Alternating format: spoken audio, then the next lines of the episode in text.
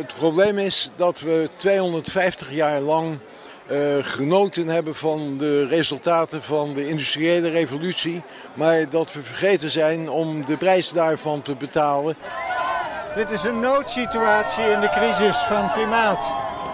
En we moeten nu echt iets doen. Welkom bij Wegwijs in het IJspaleis, de politieke podcast van Den Haag Centraal, waarin we het hebben over de nasleep van de gemeenteraadsverkiezingen. Dit is aflevering 5, Stad in de Zee.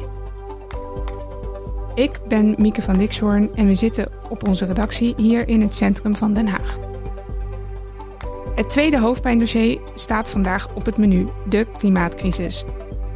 De waarschuwingen vliegen ons de afgelopen jaren om de oren. Het is nu of nooit. We hebben nog acht jaar om het gevaar af te wenden. En extreem weer is wereldwijd geen uitzondering meer. Toch blijkt het ontzettend moeilijk om maatregelen te nemen die zoden aan de dijk zetten. Dit wereldwijde probleem is ook lokaal een belangrijk onderwerp, want de gemeente is onder meer verantwoordelijk voor de warmtetransitie. Maar over de vraag hoe de stad verwarmd moet worden zonder gas, zal de Haagse politiek nog veel te steggelen hebben. De ene kant wil alle ballen op isoleren of doet liever helemaal niks aan het klimaat. En de andere kant wil bijvoorbeeld een kenniscentrum worden qua warmtenetten en klimaatneutraal zijn in 2030. Veel blijft er ondertussen onzeker. Den Haag zit vol met ambitieuze burgerinitiatieven, maar gaan we daar de wedstrijd mee winnen? Misschien zetten de stijgende gasprijzen wat druk op de zaak. Maar voordat ik het daarover ga hebben met mijn gast, gaan we voor de verandering eerst even bellen met Jan Pronk over de formatie.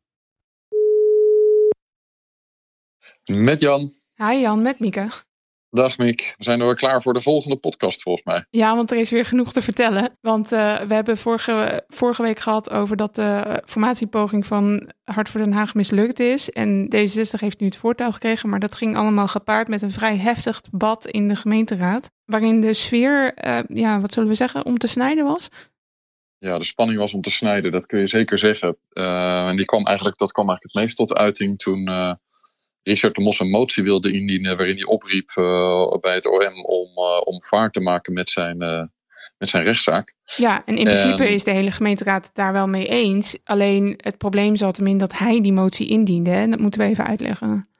Ja, kijk, de, de, de, de, regels en de conventies in de raad schrijven eigenlijk voor dat je geen moties of amendementen of voorstellen mag indienen waar je zelf een persoonlijk belang bij hebt. En Robert Barker wees Richard daarop en zei: Joh, volgens mij kan dit zo niet, doe dit nou niet. En daar uh, ontplofte de mos op en daar kwam echt een reactie uit zijn tenen waarin hij aangaf dat zijn leven de afgelopen 2,5 jaar verwoest is geraakt. En nou, het was echt. Uh, ja, hij werd uh, emotioneel. Ja, ja, dat raakte mij ook heel erg om, uh, om dat te horen, moet ik eerlijk zeggen. Um, en het bewoog hem in ieder geval uiteindelijk ook niet om die motie niet in te dienen. Nee, want uh, um, er werd hem een oplossing aangeboden. Hè. Be, um, Anne Mulder van de VVD die kwam op een gegeven moment met uh, het voorstel dat hij dan een motie zou maken met de rest van de raad, waarin eigenlijk hetzelfde werd gezegd.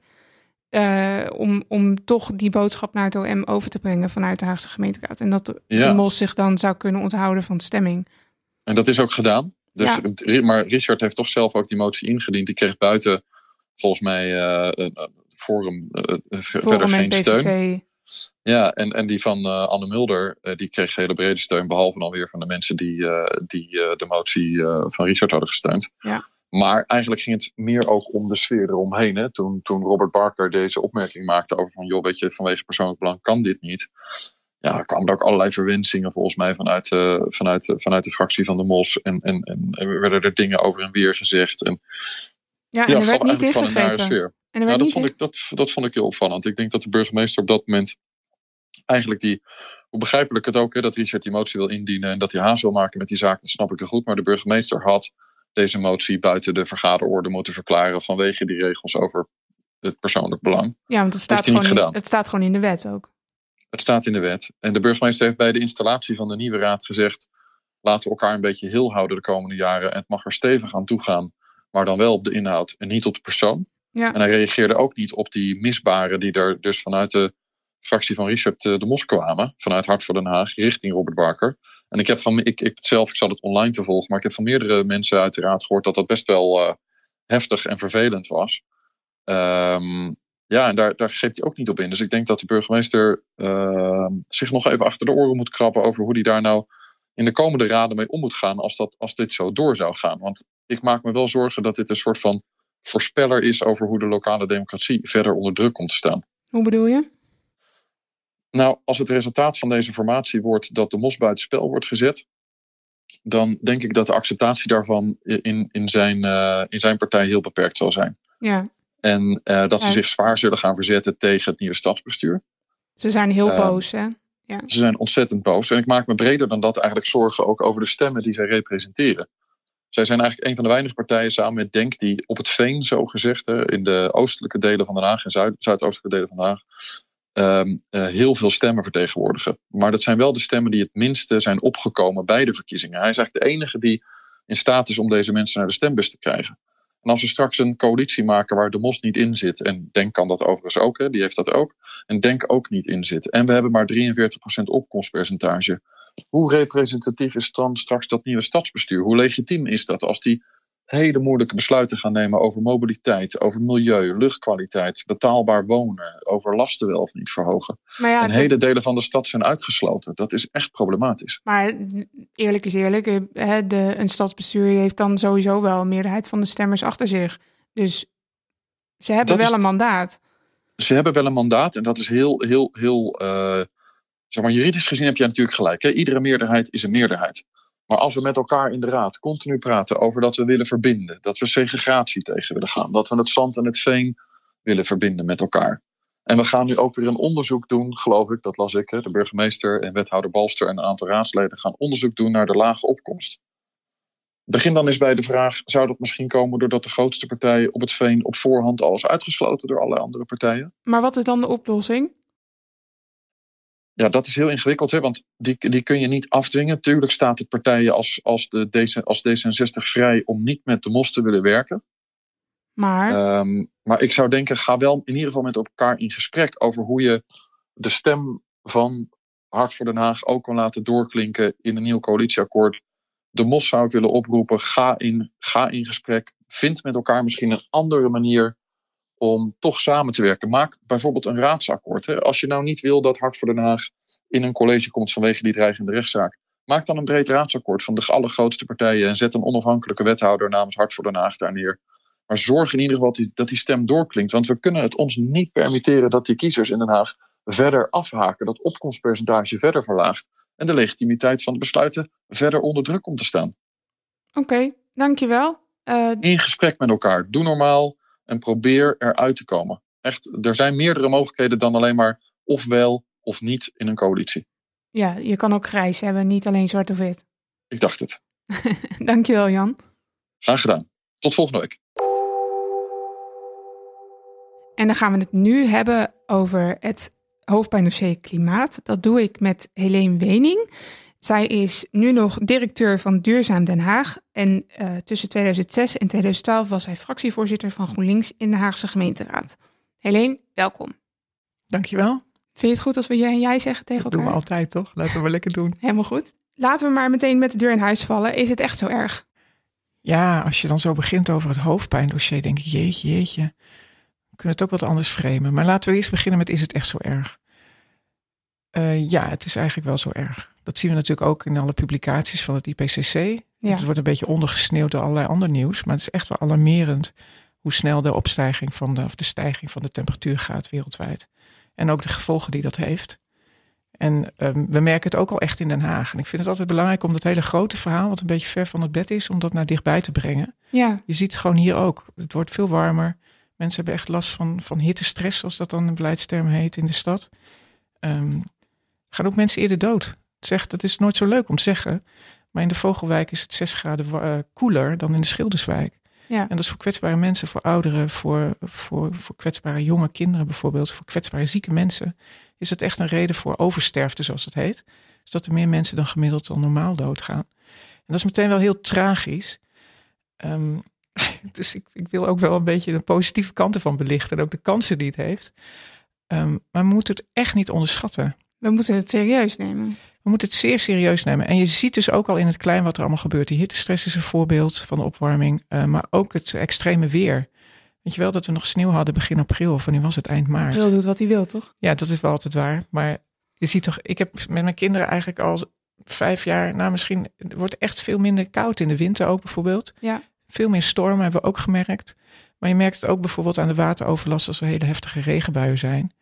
Of Uh, in Limburg, ja. ja, maar ook hier bij ons, het tunneltje onder de Binkhorst, eh, waar onder het spoor door staat dan onder, eh, onder water. Eh, in, in- mensen hebben overlast in hun kelders. In Delft is dat heel erg, in Den Haag mensen die aan de kust wonen ook. Dus dat zijn allemaal dingen die je praktisch ook al ervaart. Het is gewoon heel dichtbij. Ja, en als je heel ver gaat kijken, zijn er gewoon mensen die nu al hun huis kwijt zijn. Ja. Mensen in, eh, op eilanden in de Pacific. Eh, ja, dat zien we natuurlijk altijd bij die internationale klimaatconferenties. Maar op de een of andere manier voelt dat ver weg.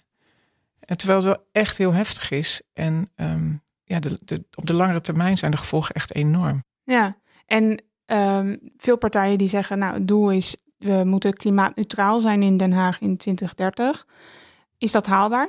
Nee, wij zeggen eigenlijk ook, wij zijn echt heel ambitieus natuurlijk. Wij zullen echt de laatste zijn die, die op ambitie gaan, eh, gaan toegeven. Ja. Maar wij zeggen nee, dan ben je te laat begonnen. Dat lukt eigenlijk al niet meer. 2030, dat is over negen jaar, acht jaar. Ehm, wij adviseren nu vanuit Duurzaam Den Haag 2035. Oké, Dat is te doen en dat is ambitieus, maar het moet ook. Want als je kijkt naar de doelstellingen vanuit het klimaatakkoord in Parijs, dat zijn doelstellingen voor de hele wereld gemiddeld. En wij zijn een rijk land en we leven in een stad waar je ook maatregelen kunt treffen. Eh, we zijn een stad van vrede en recht. Dus wij hebben ook een verantwoordelijkheid om, eh, om meer ambitie te tonen dan je misschien als je heel formeel gaat kijken naar de lettertjes van alle afspraken zou moeten doen. Maar zelfs als je formeel gaat kijken naar alle lettertjes van afspraken, dan, dan moeten we echt heel hard aan de bak nu. ja. Ehm, nou hebben we een luistersvraag voor jou binnengekregen. En dat gaat over eh, nou ja, wat we in Den Haag kunnen doen. En dan gaat het met name over het verduurzamen van huizen. Daar worden op dit moment vooral ehm, mensen met een eigen huis op aangesproken... die hun eigen huis kunnen verduurzamen. Maar deze luisteraar, eh, Bruce, die zegt voor verduurzamen... ehm, wordt nog niet echt gekeken naar woningcorporaties en particuliere verhuurders. Die blijven buiten schot. En hij vraagt aan jou, moeten er fondsen komen op gemeentelijk niveau om dat juist aan te pakken? En hoe zou dat dan moeten?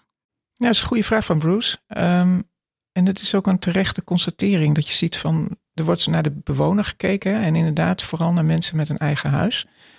Je zou nog veel breder kunnen kijken. Ik hoor ook wel eens geluid dat mensen zeggen, nou dat bedrijfsleven echt, dat lacht in zijn vuistje.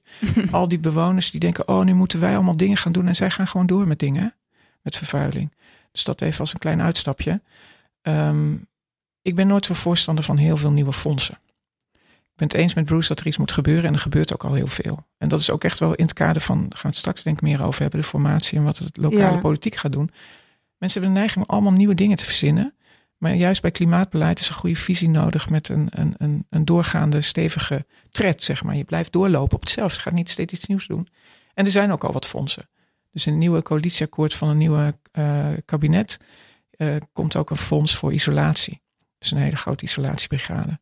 En Bruce zegt terecht van corporaties zouden veel moeten doen, want daar liggen ook kansen. Ja, En als je daar woont, kun je vaak ook niks. Dus er zitten mensen in een, in een vaak slecht geïsoleerd huis, sociale huurwoningen. sociale ja. huurwoning met veel vocht- en schimmelproblematiek. Ja, die kunnen helemaal niks. En die betalen wel nu enorm hoge energierekeningen. Dus super terecht vraag. Eh, maar daarvoor ziet het Rijk nu ook in. Dus Wat kunnen we daar wel aan doen als stad dan? Nou, wat er nu vanuit het Rijk gebeurt, is dat de verhuurdersheffing eh, wordt afgeschaft voor corporaties. Dus dat levert geld op. Maar ze worden verplicht om een allerslechtste woningvoorraad te gaan verduurzamen. En, en daarin labelverbeteringen te laten zien. Ik weet uit mijn hoofd niet precies van welk label naar welk label. Maar Nou, zo technisch hoeven we niet te worden. Nee, precies. Maar dat, daar gebeurt dus al veel aan. En, en Den Haag gaat daarin mee. Wij hebben nu, eh, de stad heeft nu een eh 1 miljoen euro gekregen ook. Voor een isolatiebrigade actie. En die wordt ingezet in Laak waarschijnlijk. En daar zitten juist ook heel veel particuliere eigenaren. Ehm, dus wat Bruce signaleert, dat wordt in Den Haag in die zin opgepakt. En daarmee is het ook echt iets van ga dat doen en zet dat voort. Maar dat komt dus vooral vanuit landelijk. Ja, vanuit landelijk komt dat geld. En dan krijgt Den Haag de komende jaren 1 miljoen per jaar. Daar kun En je echt wel wat moet dat van uit doen. gaan voeren eigenlijk. moet dat gaan uitvoeren. En, eh, ja, en dan kunnen ook huurders profiteren van een beter geïsoleerd huis en een lagere energierekening. En ehm, als je even een beetje, als we een beetje uitzoomen, hoe, hoe gaat het met de energietransitie in Den Haag? Moeizaam. Moeizaam. Ja, dat is denk ik wel Lopen we achter of, of eh, ten opzichte van de rest van het land? Of is dat nee, moeilijk het vervelende is dat we niet achterlopen ten aanzien van anderen. En dat is natuurlijk ook dat een beetje. geeft al een gebrek aan urgentie. Ja, dat is denk ik het belangrijkste. Het is echt een gebrek aan gevoel voor urgentie. Ehm, en als je naar elkaar blijft kijken, dan denk je, ach, we zijn best lekker bezig. En bovendien zijn we ook nog een beetje in de fase dat, dat grote steden over elkaar heen buitelen in wat, de, wat het jaartal moet zijn dat we energie-neutraal zijn. Nou, er is echt geen tijd meer voor om nog heel lang te gaan studeren over welk jaartal. Zet het nou maar eens vast en ga terugredeneren wat je dus elke keer moet doen. Ja, Maar als je kijkt naar de doelen van Parijs en de doelen die, zijn, eh, ja, die in het coalitieakkoord van 2018 nog stonden. In het coalitieakkoord stond nog 2030 klimaatneutraal. Maar dat gaan we dus niet halen. Nou, dat gaan we niet halen. Ik denk ook dat het coalitieakkoord nu niet met 2030 komt. Ik ben benieuwd met wat wel. Ehm, Want, want je zegt van eigenlijk is het belangrijk bij, een, bij het klimaatbeleid dat je ehm, handelsperspectief geeft voor mensen. Ja, en ook, dat zeggen waar, waar ben je aan toe? Want met name in die ehm, warmtetransitie is het nu heel erg de vraag van hoe gaat elke wijk specifiek over van gas naar een andere warmtebron. Eh, maar voor heel veel wijken is dat nog niet duidelijk. En zegt de gemeente, ja, dat weten we eigenlijk ook niet. Bijvoorbeeld omdat er eh, huizen zijn die heel oud zijn, die moeilijk te isoleren zijn. En waarin het niet per se voor de hand ligt wat een alternatief zou zijn van gas. Ja, je hebt het nu over de transitievisie warmte, denk ik. Hè? Dat Ja. is het stuk waarin eh, een kaartje van Den Haag staat met allemaal kleurtjes, met waar restwarmte uit Rotterdam komt, waar warmtenetten komen, waar en een heel groot stuk kaartje met geel. Geel, dat is, we weten het nog niet. Alles ja, kan. precies. Ja, en dat is wat denk ik de gemeente afgelopen jaar heeft gedaan. Dat is op zich wel goed om te beginnen met waar is aanbod van warmte. Want Den Haag is echt wel bijzonder in dat wij geothermie hebben, warmte uit de aarde. Dat is Mhm. natuurlijk een duurzame bron. En dat is goed om daarop in te zetten. Ehm, maar daar moet je niet mee ophouden. Wat ik een beetje Hoe mis. bedoel je opbouw houden? Dus niet ophouden met alleen maar in beeld brengen wat het aanbod is. Je moet er ook echt iets mee doen. Ja, je moet daarmee aan de slag gaan. En je moet echt veel meer ambitie en visie neerzetten. Ik denk dat dat het allerbelangrijkste is wat ik mis vanuit, nou ja, laat ik het anders zeggen, waar ik naar verlang in het komende coalitieakkoord. Dus dat er eh, ook een breed gedragen visie wordt neergezet. Wat ik nu merk is dat veel bewoners eigenlijk nog helemaal niet weten wat er aan de hand is. Dus is eigenlijk heel slecht gecommuniceerd. Wij komen in buurt vanuit Duurzaam Haag, zijn we in Molenwijk, Moerwijk, Spoorwijk bezig. Ja, daar zijn mensen helemaal niet ge- geïnformeerd over wat er moet gebeuren.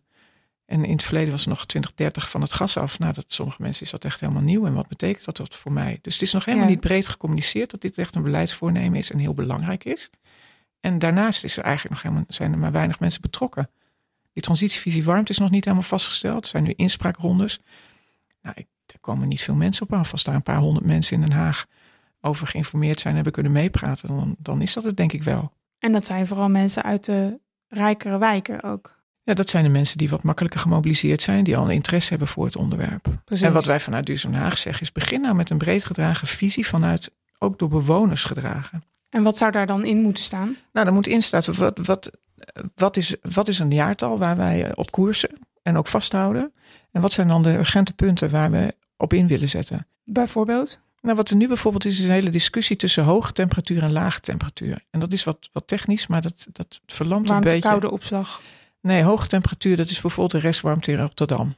Die, dat is heel hoog, dat is 80 graden, 90 graden. Dat wordt dan een leidingennetwerk ingepompt. Ja, Maar dat sluit lokale initiatieven die bottom-up en decentraal zijn uit. Want die zijn vaak van lagere temperatuur. En daar is een hele discussie over, over hoe dat zich tot elkaar verhoudt. En daar kun je heel lang over blijven steggelen. Maar daarvan zeggen wij van, ga nou met bewoners eh, om de tafel, met veel bewoners. Werk met een burgerberaad van gekozen, van geselecteerde, hoe heet het iets, gekozen bewoners. vertegenwoordigers. Ja. Ja, eigenlijk gekozen mensen, geloten mensen. Oké. Dus dat is echt een mooi model waarbij je zeg maar een aantal honderden mensen uit Den Haag bij elkaar brengt. Die gelood zijn. Dus niet, dan heb je niet de usual suspects die van zichzelf al meedoen, maar iedereen. Informeer mensen goed. En laat mensen zelf komen met de visie voor Den Haag, die dan vervolgens het ook is. Want daar zit ook veel meer continuïteit in. Maar gaat het dan niet veel te lang duren? Nou, duurt het nu niet lang dan. Ja, maar als we dan nu weer, even advocaat van de duivel, als we nu weer met duizend mensen gaan praten die een visie moeten gaan opstellen, die niet per se weten hoe het zit. Maar wat is er dan nu het alternatief? Want er ligt niks. Nee, dus het is niet weer. Het is niet weer opnieuw. Er ligt niks. En volgens mij, ja, er ligt wel wat. Maar dat kun je niet een hele consistente, heel heldere en gedragen visie noemen. Het is gewoon belangrijk dat er een heel helder stuk komt. Met een stip op de horizon waar je heen wil. Aantal routes waar langs. eh, hoe je met middelen die je hebt omgaat. En het belangrijkste is dat je daar bewoners eigenaar van maakt. Omdat ik geloof dat die veel meer continuïteit kunnen waarborgen dan de politiek. Als, jij in als 2000... het gedragen is door de stad, dan maak ja, Als je in 2022 een burgerberaad hebt georganiseerd... waarin honderden Hagenaars zeggen dit en dit willen wij... Uh, ja, dan kunnen er over vier jaar weer verkiezingen zijn. Maar dan, dan blijft dat in stand. Zeker als je die groep betrokken bewoners uh, groter maakt. Ja. De afgelopen jaren hadden we Lisbeth van Tongeren van GroenLinks als wethouder duurzaamheid en energietransitie. Uh, en er is veel gezegd in en rond het stadhuis dat zij over hoeveel of hoe weinig zij voor elkaar heeft gekregen. En een deel daarvan heeft te maken met de status van klimaat op het stadhuis. Heb jij daar zicht op? Wat is de status van klimaat op het stadhuis? Wordt er serieus over nagedacht? Is er echt een team? Gaat dat verder dan, hey, economieteam, willen jullie alsjeblieft ook nadenken over duurzaamheid? Ja, het is wel grappig. Ik ben nu acht jaar directeur van Duurzaam Haag, dus ik kan wel zien wat daar de afgelopen jaren is gebeurd. En ik kan wel zeggen dat het nu wel op sterkte is. Ja? Ja, de vraag is hoe je altijd intern samenwerkt met een en ander. Maar vroeger was er één uh, energietransitieprogramma-directeur. En, uh, en, en was het team echt heel klein. En inmiddels staat er een groot team. Is er een uh, energietransitieprogramma-directeur. En die is nu ondergebracht bij de dienst Stedelijke Ontwikkeling. Okay. het wordt ook onderdeel van de lijnorganisatie. Dus dat is ook echt ingebed in de gemeentelijke organisatie. dus, dus ze nemen het serieus? Ja, ze nemen het denk ik zeer, zeer serieus in, in hoe het nu in de organisatie vorm krijgt. Er is een ontzettend goede, Viriel Hoogvors, ontzettend goede duurzaamheidsprogramma uh, ja, intern. En die zorgt dat echt veel mensen in het huis op de hoogte zijn van de urgentie van duurzaamheid. En dat het eigenlijk een soort, ja, wel een speerpunt wordt in allerlei, vanuit allerlei portefeuilles en allerlei agenda's. Dus dat is de afgelopen jaren wel gebeurd? Ik denk dat dat ambtelijk best wel goed in elkaar zit. Ik denk dat het vanuit het college iets is waar je nodig, waar, waar echt gevoel van urgentie gevoeld moet worden. Want ik herinner me nog toen ik uh, zag dat in het vorige coalitieakkoord 2030 stond. Toen zei ik nog tegen Rashid Ganawi, geloof ik destijds, van nou, dat is mooi dat het erin staat. Want het is helemaal conform het klimaatpact, hè, wat met heel veel bewoners en mensen en ook raadsleden was ja. vastgesteld. Hij zei ja, ja, ja, 2030, dat gaan we nog wel zien. Ja, en met die houding ga je er niet komen. Ja, dus het moet wel echt zijn. Wat is er over van dat klimaatpact? Want dat, uh, dat was een heel uh, belangrijk ding in 2018 voor de verkiezingen, voor de vorige verkiezingen, waarin uh, um, meerderheid, een overgrote meerderheid van de raad samenkwam en afspraken had gemaakt over het klimaat en doelstellingen. Wat, wat is daarvan over? Nou, het was een terecht heel ambitieus pact. En ook met veel partijen. Er misten wel een aantal partijen. Er misten corporaties bijvoorbeeld, Eneco en uh, energiebedrijven. Um, maar er zijn heel veel knelpunten geweest. En een van de knelpunten, die noemde ik al, hè, dat is dat gebrek aan een heldere gedragen visie, die ook echt stand houdt en niet steeds iets nieuws komt. Maar ook veel te laat begonnen. Dus dat is, al, dat is een knelpunt wat er voor heeft gezorgd dat de uitvoering van het pact echt achterblijft. Um, er is toch wel beperkt invloed geweest voor bewoners en hun initiatieven. Of in ieder geval echt te weinig om, um, ja, om in de uitvoering ook echt wat te betekenen. Nou, waar we het ook over hadden, er is een onvoldoende gevoelde uh, ja, sense of urgency, gevoel van urgentie. Um, ja, we eigenlijk geen. Ja, en, en is, is ook het bereiksniveau. Hè? Dus het is niet alleen voor Den Haag. Er is bijvoorbeeld nog helemaal geen nieuwe warmtewet. Dus mensen weten niet zo goed wat hun bevoegdheden zijn. Bedrijven weten niet goed waar ze in kunnen gaan investeren. Ja, dus dat is heel breed. Het is gewoon dus heel niet veel alleen, eigenlijk. Ja, dat is niet alleen Den Haag. En verder hebben we natuurlijk ook gewoon last van een neoliberaal klimaat. En daar heeft iedereen last van. Gewoon het groeidenken. Wat we nu ook hebben. Van nou, um, tijdens corona werd er niet meer gevlogen. Was een enorm effect op, uh, op de CO2-uitstoot. En iedereen gaat voor de meivakantie weer lekker vliegen. Ja. En we denken allemaal, um, ja, we denken, niemand denkt aan minder. Met gasprijzen ook. Door Oekraïne en de oorlog vanuit Rusland ja, worden die prijzen hoger. Maar niemand gaat denken, goh, zal ik eens iets minder gaan doen? Iedereen heeft erover van, goh, kan de overheid compenseren? Want we willen doorgaan met het leven zoals we hebben. Maar we kunnen niet door met het leven zoals we hebben. En er zit ook heel veel kwaliteit in een ander leven, wat niet draait om groei en alleen maar economische winst. Maar daar komen we maar niet. Niet vanuit de overheid, maar ook niet vanuit consumenten. We zijn echt heel verwend en denken dat we een soort verworven recht hebben moet je in Oekraïne bij komen over verworven rechten. Als je kijkt hoe dat leven in een maand is veranderd. En we realiseren ons gewoon niet dat, dat die klimaatverandering, die dreiging echt groot is. Ja. En daar hebben we echt iets voor in te leveren. Maar wij willen alles blijven doen. We willen auto blijven rijden. Het is een ver van je bedshow nog steeds eigenlijk. Nou, dat. Maar het belangrijkste is dat je zelf niet, dat mensen zelf niet willen veranderen. En, en niet de consequenties helemaal doorvoelen en, en willen eraan willen. En ook naar een eigen gedragsverandering willen. En als we het dan hebben over de formatie, uh, laten we het lekker concreet maken. De, welke keuzes liggen er voor, op, voor de partijen die met elkaar moeten gaan onderhandelen? Welke kant kunnen ze op? Je bedoelt dan ten aanzien van duurzaamheid, neem ik aan. Daarna, ja, dat bedoel ik, ja. Nou, wat ik denk, ik weet niet zo goed welke keuzes voor liggen, maar het belangrijkste is natuurlijk dat ze beginnen met een ambitie. iedereen gaat, gaat, vragen, wat willen jullie nou? Wanneer wil je klimaatneutraal zijn? En hoeveel investeer je daarin? Dus daar gaat het allereerst over. Wat is, wat is de stip op de horizon? Welk jaar heb je als ambitie om klimaatneutraal te zijn? En hoeveel budget ga je daarvoor reserveren? Ik denk dat dat de essentie is. Ja. En ik denk, als je het dan hebt over welke partijen. Ehm, ik denk uiteindelijk dat we de zittende coalitie krijgen, die uh, gewoon doorgaat, sterker mandaat heeft zelfs dan de afgelopen periode. Volgens mij hebben ze nu in totaal twee zetels gewonnen. Ja. Um, nou ja, vaak is dat iets wat, wat voor de hand ligt. En in dit geval ook. Dus dan hebben we het over VVD, D66, CDA, GroenLinks en PvdA. Ja, en ik denk dat daar voor ieder wel iets in te winnen is ten aanzien van, uh, van duurzaamheid en, en de okay. energietransitie. Als je kijkt naar de, naar de verkiezingsprogramma's, dan zit er wel een, een rode draad in, wat eigenlijk alle partijen wel noemen. Oké. En een daarvan, uh, iedereen heeft het over, over energiecoaches. Daar ben ik blij mee vanuit Duurzaam Den Haag. Want dat is ook iets wat wij mede hebben geïnitieerd, geïnitieerd met de gemeente. Het zijn, is de Haagse energiebesparingsaanpak. Waarbij bewoners inzet om andere bewoners te inspireren en te stimuleren om in hun woning uh, energiebesparende maatregelen te treffen. Okay. Of over te gaan op, op schone energie. Ja. Dat zie je eigenlijk in alle programma's terug.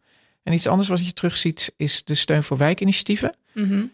Uh, en het is belangrijk dat je, daar, dat je dat niet alleen met de mond beleidt, maar dat je daar ook geld tegenover stelt. Ja. En dat je ook aangeeft van nou, die geven dus alle ruimte en ondersteuning en support die nodig is. Dus dat is één. En wat we ook zien is eigenlijk, iedereen heeft het over isoleren. Mm -hmm. En dat is prima, want daarin vinden verschillende partijen vanuit een ideologie ook allemaal uh, een voordeel. Ja, dus vanuit, en dat sla ik het een beetje plat hè, met excuses aan de partijen, maar uh, de VVD is voor werkgelegenheid. Nou, ja. uh, een groot isolatieprogramma levert enorm veel werkgelegenheid op. Um, de PvdA en GroenLinks, ja, die zijn natuurlijk ook voor duurzaamheid, zeker GroenLinks, maar die zijn, kijken ook naar de sociale kant.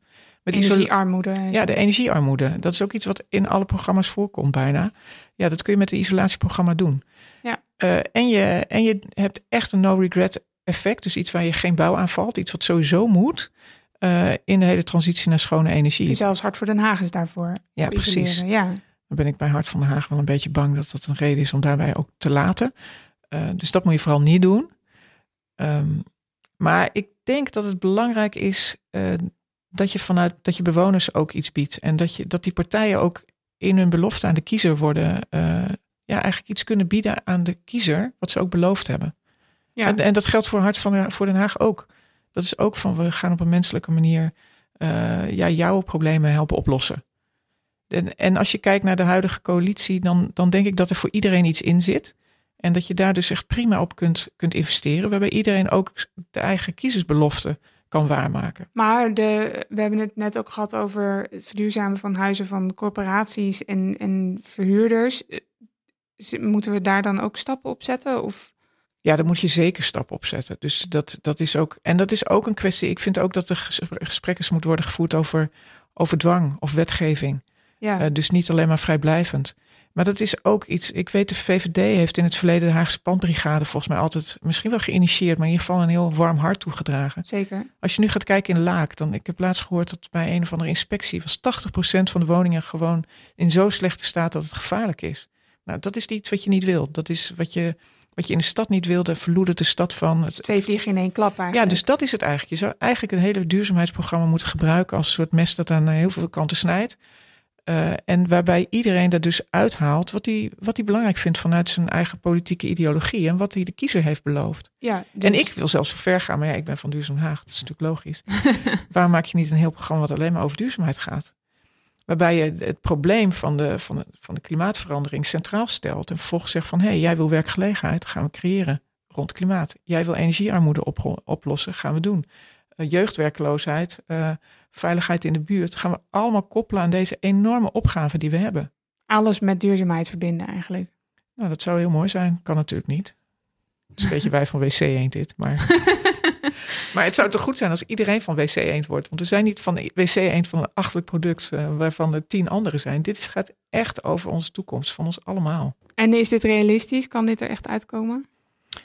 Ik denk niet dat duurzaamheid het speerpunt wordt van, uh, van het college. Uh, of ik bedoel niet het enige speerpunt. Maar ik denk dat ik, ik zou altijd een college aanraden om een stuk of drie speerpunten te nemen. Die met elkaar samenhangen. En dat echt de grote opgaven zijn voor de stad. En, uh, en duurzaamheid, gewoon echt het effect van klimaatverandering is daar één van. En die zou ik combineren met, met jeugdwerkloosheid. Uh, en überhaupt misschien wel werkgelegenheid. Maar ook de verschillen in de stad. En als jij nou uh, nu aan de formatietafel zou zitten als partijleider, hoe zou je hem dan strategisch insteken in de formatie nu? Is dat dan inderdaad het aanspreken van elke partij op hun speerpunt en dat dan koppelen aan duurzaamheid? Het is wat ik zou doen, is afzien van de rol als leider van een partij. Ik zou zeggen, we zitten hier met elkaar en we hebben het belang van de stad te dienen. Ja. En wat zijn nou de meest prangende problemen? En ik zou daar een aantal uitpakken, een stuk of drie, en daar een speerpunt van maken. Ja. En klimaatverandering en daarmee omgaan is één. Ik denk dat jeugdwerkloosheid iets is. Misschien werkgelegenheid in de brede zin. Maar ook de groeiende ongelijkheid in de stad. En, um, en daarvan zou ik kijken van nou, hoe kunnen we die, hoe, kunnen we die speerpunten zo, zo formuleren dat, uh, dat dat voor alle aan tafel aanwezige politieke partijen ook bijdraagt aan het realiseren van hun ideeën over een goede stad. En ook de, tegemoet komt aan wat zij hun kiezers hebben beloofd. En van daaruit zou ik het heel erg concreet gaan maken. Ik zou het echt superleuk vinden als een college een keer een, een coalitie een uitvoeringsprogramma. Zegt dit zijn de drie speerpunten. Dit, zo gaat ons uitvoeringsprogramma eruit zien. Met doelen en budgetten. Gewoon heel concreet eigenlijk. Ja, en daarmee aan de slag. Heel concreet. En ook niet te veel tekst. Al die eindeloze teksten, man, man, man. Kom gewoon met iets kleins. Kom met tien pagina's uh, max. Uh, waarvan vijf pagina's uitvoeringsprogramma. En, en, en spreek met elkaar dezelfde taal. Ga allemaal alleen maar over die speerpunten hebben. En die herkent iedereen. Ik weet niet, wat zou jij voor speerpunten hebben? Dit is toch wat iedereen in de stad zou zeggen, denk ik? Ja, nou, uh, IJspaleis heeft het gehoord. Dankjewel dat je hier wilde zijn, Helene. Graag gedaan. Dan wil ik iedereen bedanken voor het luisteren. Denk je nou, deze podcast moeten meer mensen luisteren? Laat dan een review achter of beveel de podcast aan bij je vrienden en collega's. Wij zijn je in ieder geval eeuwig dankbaar. De column van Jan is zoals gewoonlijk te lezen op www.denhaagcentraal.net. Het hoofdpijndossier van volgende week is wonen. Dan gaan we het hebben over de woningnood en mogelijke maatregelen die Den Haag daarin kan nemen. En de vraag is Den Haag vol? Heb je vragen of opmerkingen? Stuur ze naar podcastapenstaartje denhaagcentraal.net. En voor meer nieuws, reportages en analyses kijk op onze website, koop een krant of neem een abonnement.